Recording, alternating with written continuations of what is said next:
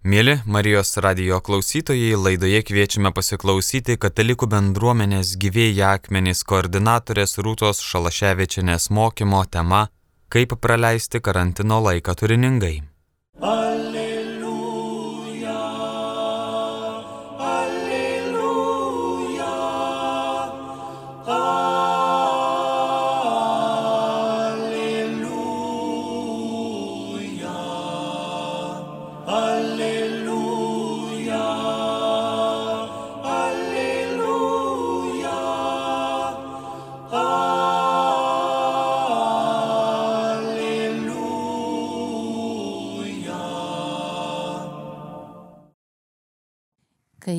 Prasidėjo karantinas kovo 16 dieną, pradėjau tarsi su tokia mintim, koks dabar metas. Nes jis toks netikėtas, nepatirtas, nenuspėjamas, daug visokių emocijų. Pirmoji savaitė gana buvo sunki, persiorientavimo, persiorganizavimo. Daug Facebooko, kol vieną dieną susivokiau, kad nenoriu pradėti dienos nuo Facebooko, noriu pradėti taip, kaip visada pradėdavau, nuo Dievo žodžio. Tai atstačiau šį savo įprotį, bet kartu vat, ir man buvo tokia nauja mintis, kaip tą karantino metą, tą izolacijos metą pragyventi šventojoje dvasioje. Ir pati savo tarsi tokius du punktus nusibrėžiau, du tikslus.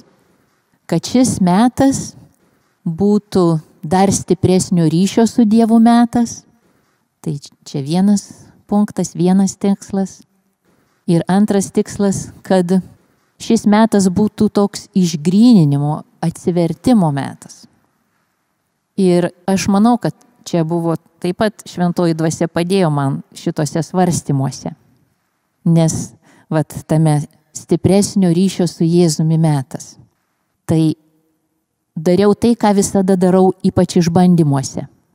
Dar labiau pasitikėti Jėzumi. Jau kokį dešimt metų nuolat ir nuolat mane šis žodis lydi, gal net ir daugiau, ir mano broliai sesės bendruomenėje jau ir žino šitą, kad Rūta visada sako, jeigu tik tai koks išbandymas, ar tik sunkiau, ar asmeniškai, ar bendruomeniškai, ar misijoje, ar visuomeniai, aš sakau, dar labiau pasitikėsiu Jėzumi. Raginu kitus, dar labiau pasitikėkime Jėzumi. Tai irgi šis žodis mane lydi, lydėjo visą šitą mėnesį. Ir taip pat turiu savo mėgiamą motiną Teresę iš Kalkutos, kurios mintimis irgi kartais remiuosi. Ir štai visiškai netikėtai, tuo savo būdu, kaip aš ten skaičiau, atsiverčiugi jos mintį, kur yra lygiai tokia pati, tik truputėlį platesnė. Ir ten motinos Teresės iš Kalkutos mintis skamba taip.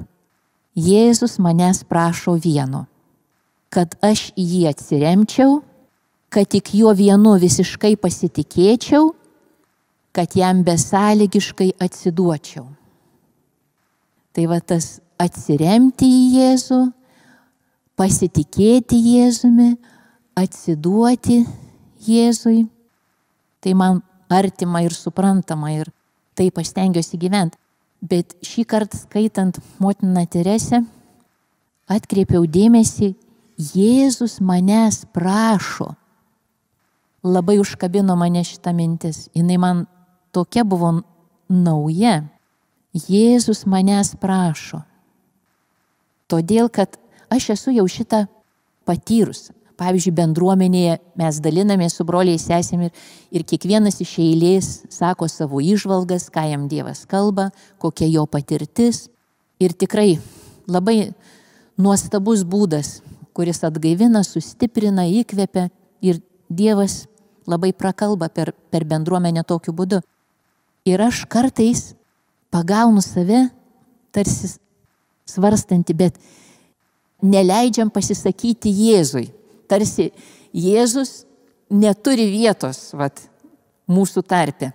Nors mes dalinamės to, ką jisai mums kalba, bet aš kartais paklausiu tokį klausimą tiesiogiai. Jėzau, o ką tu norėtum pasakyti? Taip ir šį kartą. mėginau daryti.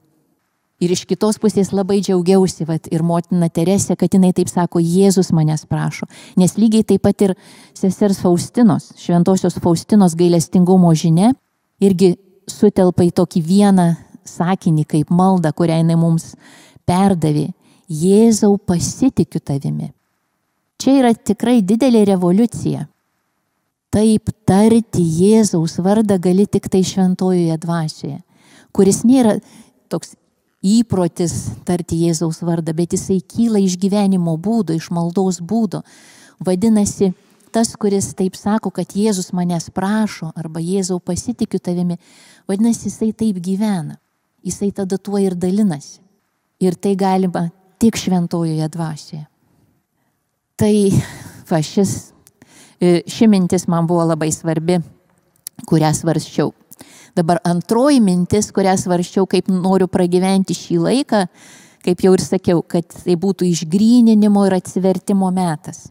Ir tokia vedanti to mintis buvo nebijoti, mąstyti ir svarstyti ir kalbėti apie mirtį. Ne todėl, kad štai šios pandemijos metu mes visi užsikrėsim ir visi mirsim, ne šitą mintį svarstyti, bet tiesiog nebijoti apie tai kalbėti ir svarstyti, nebijoti tos akivaizdos. Todėl, kad tok, mirties akivaizdoj, va, iškeliavimo akivaizdoj labai viskas išsigrynina. Nereikalingi dalykai atpuola, lieka tik tai tie, kurie yra svarbus. Tai va tokių išbandymų akivaizdoje taip pat ar dideliais lygos, ar didelių sukrėtimų metu tai, kas svarbu, išlieka, kas nesvarbu, atpuola.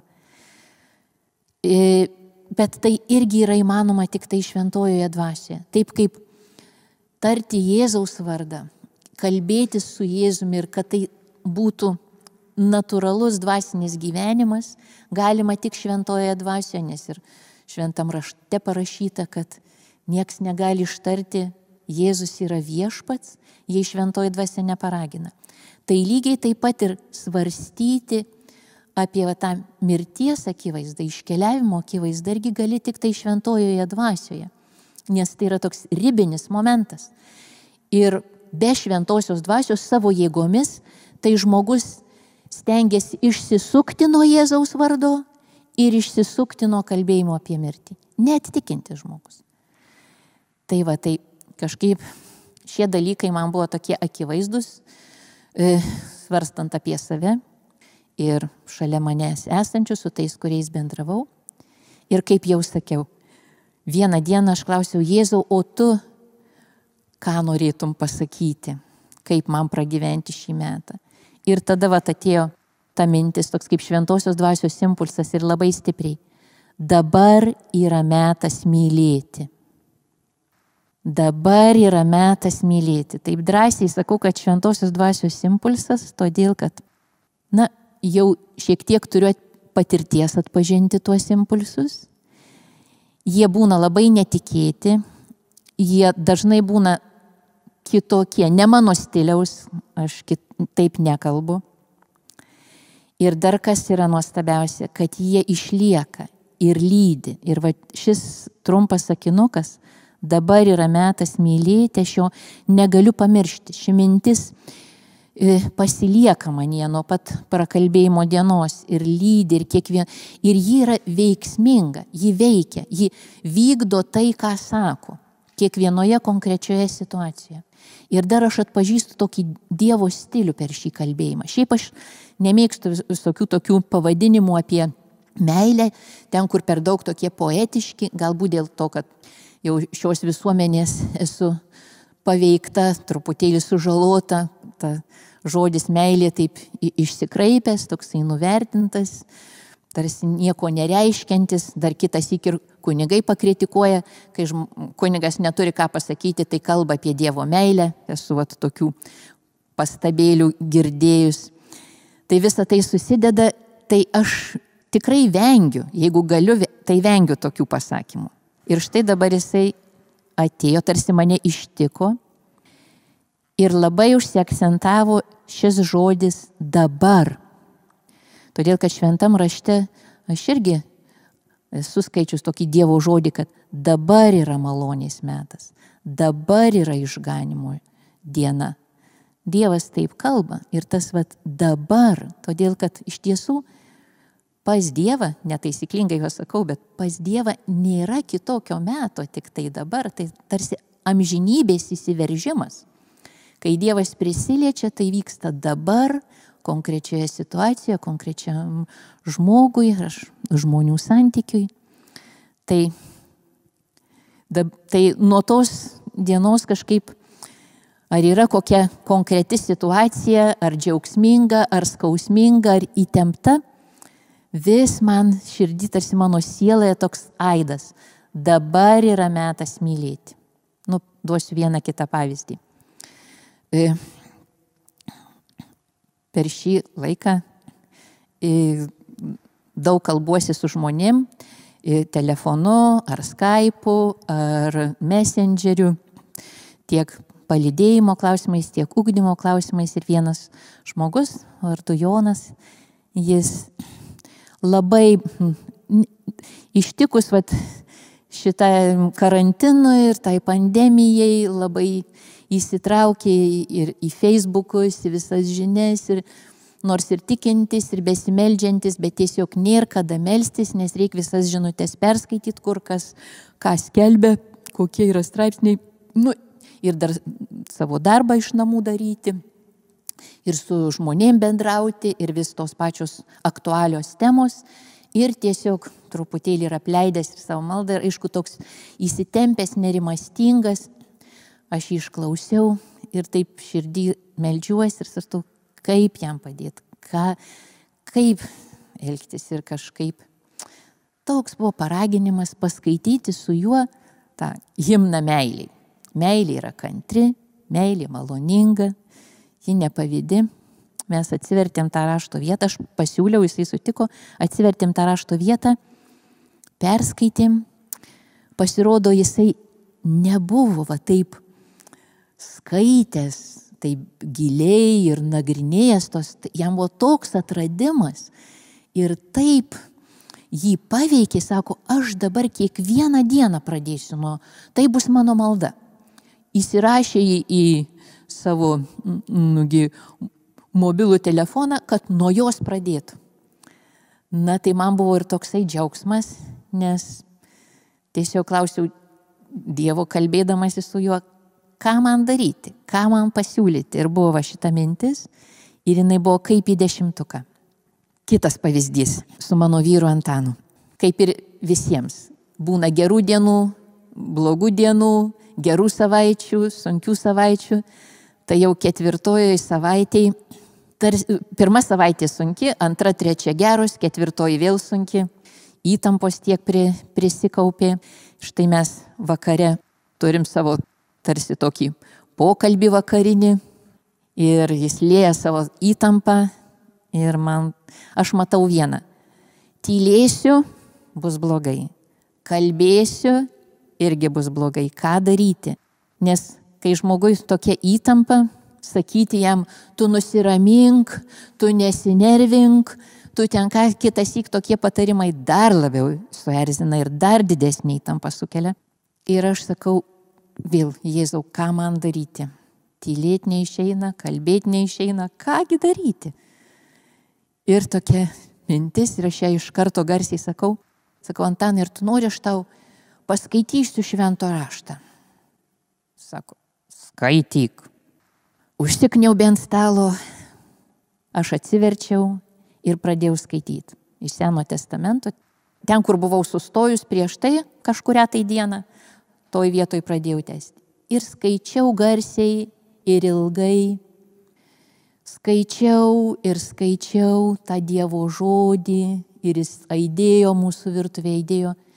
Ir kažkaip taip ir Antanas ir aš, taip viskas rimo, rimo, rimo, nurimo. Mes pasimeldėm ir taip ta diena baigėsi Ir tikrai buvo tokia akivaizdi Dievo pagalba.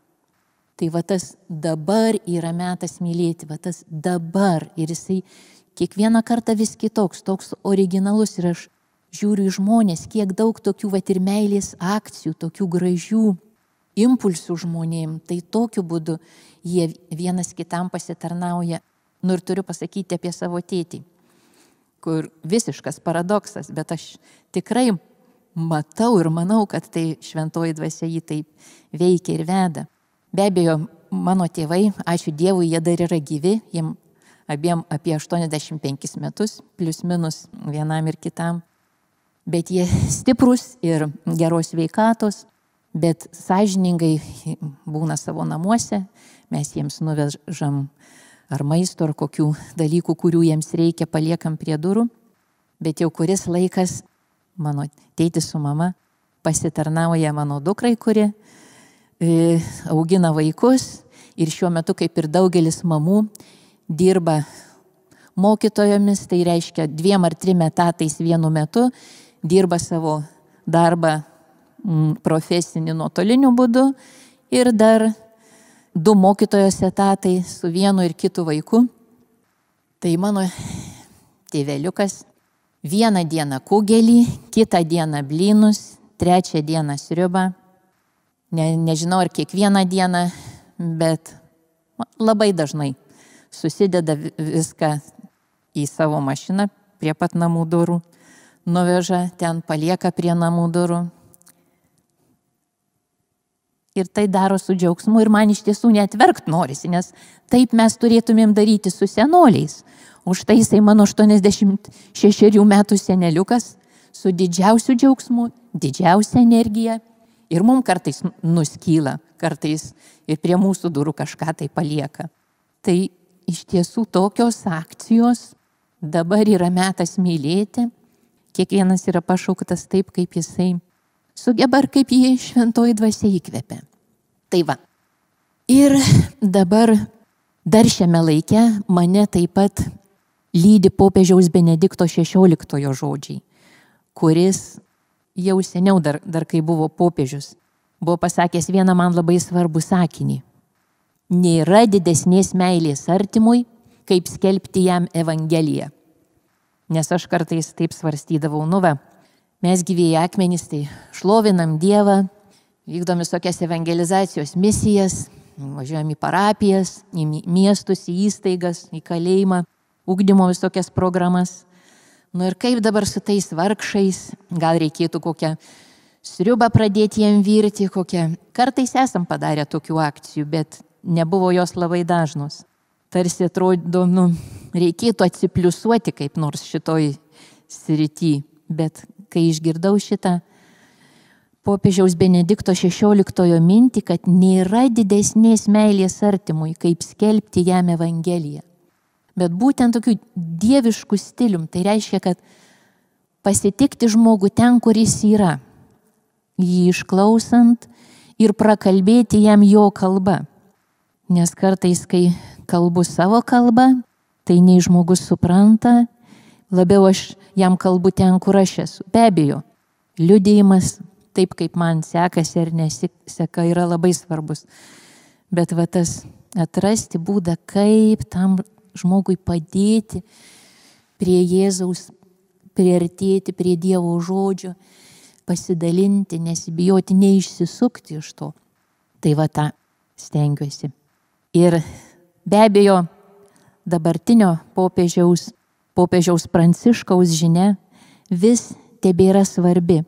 Ta, kurią jis jau prieš metus skelbė, kai įkūrė naują tarnybą charizminio atsinaujinimo, kuri vadinasi Haris ir jo žinia, to mintis, kurią jisai sako, kad šio laikiniam pasauliui, kad Evangelijos žinia vyktų su jėga ir kad ji būtų patikima, reikalingi trys dalykai.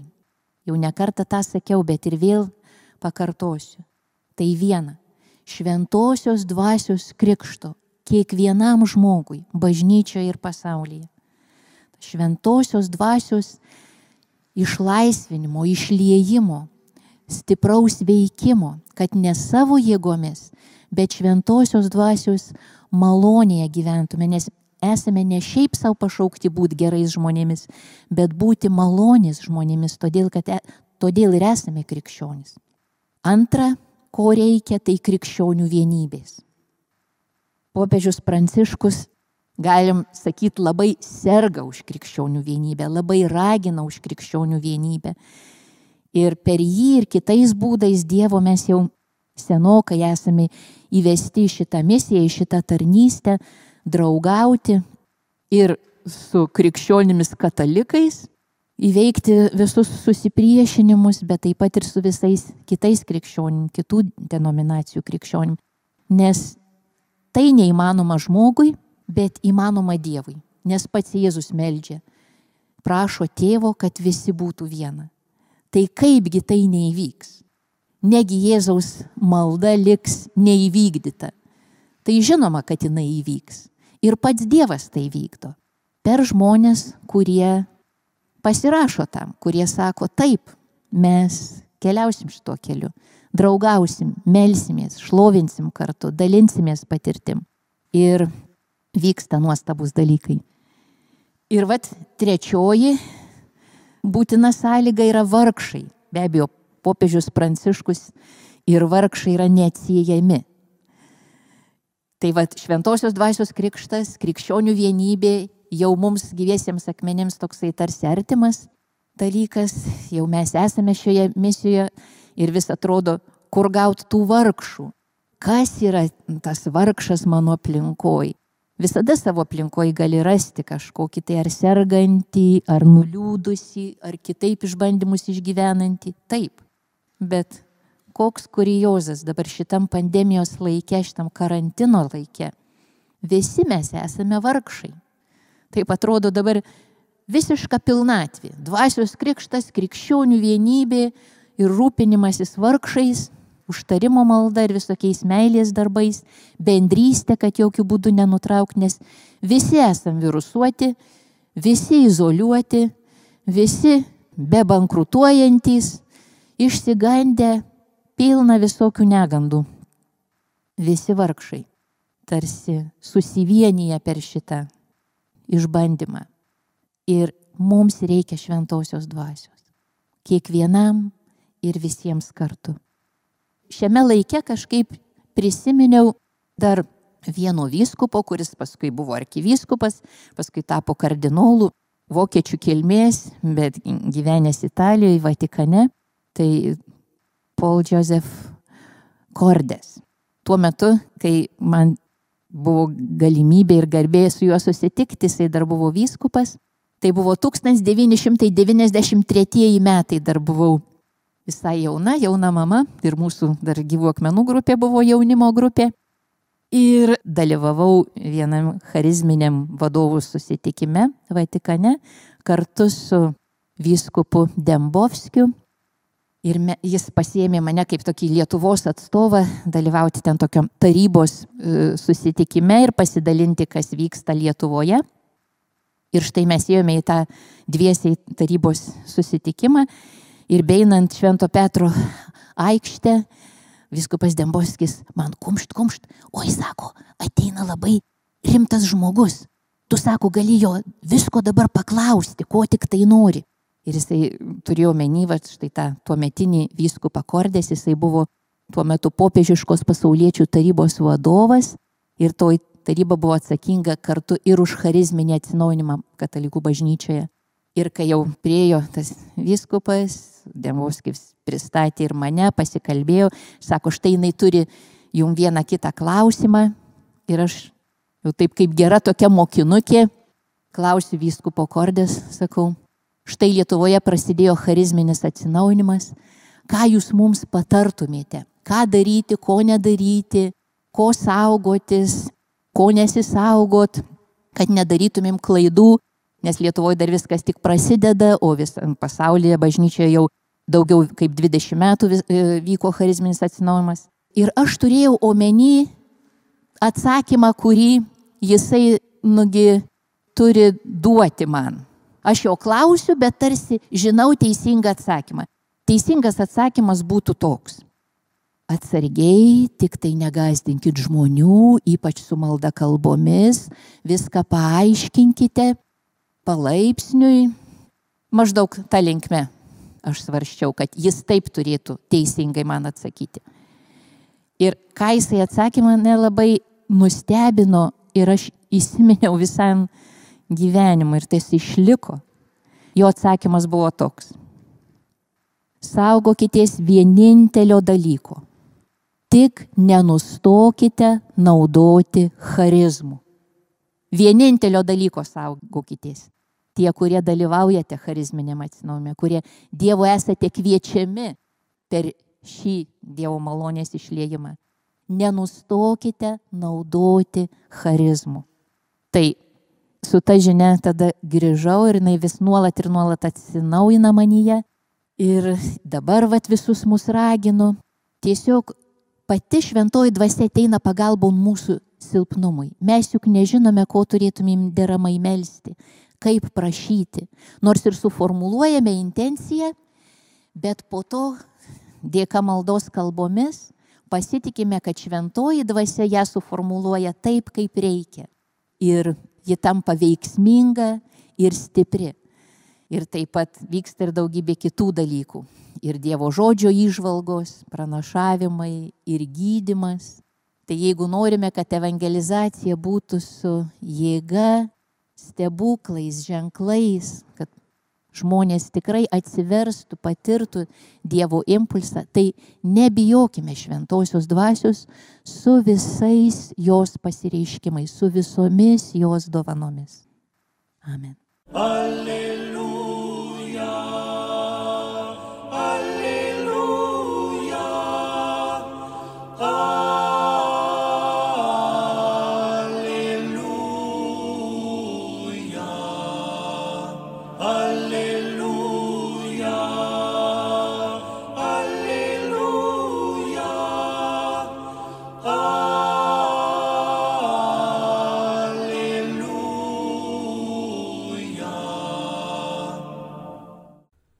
Mėlyjeji laidoje girdėjote Katalikų bendruomenės gyvėjai akmenys koordinatorę Rūtą Šalaševičinę. Jinai kalbėjo tema, kaip praleisti karantino laiką turiningai. Likite su Marijos radiju.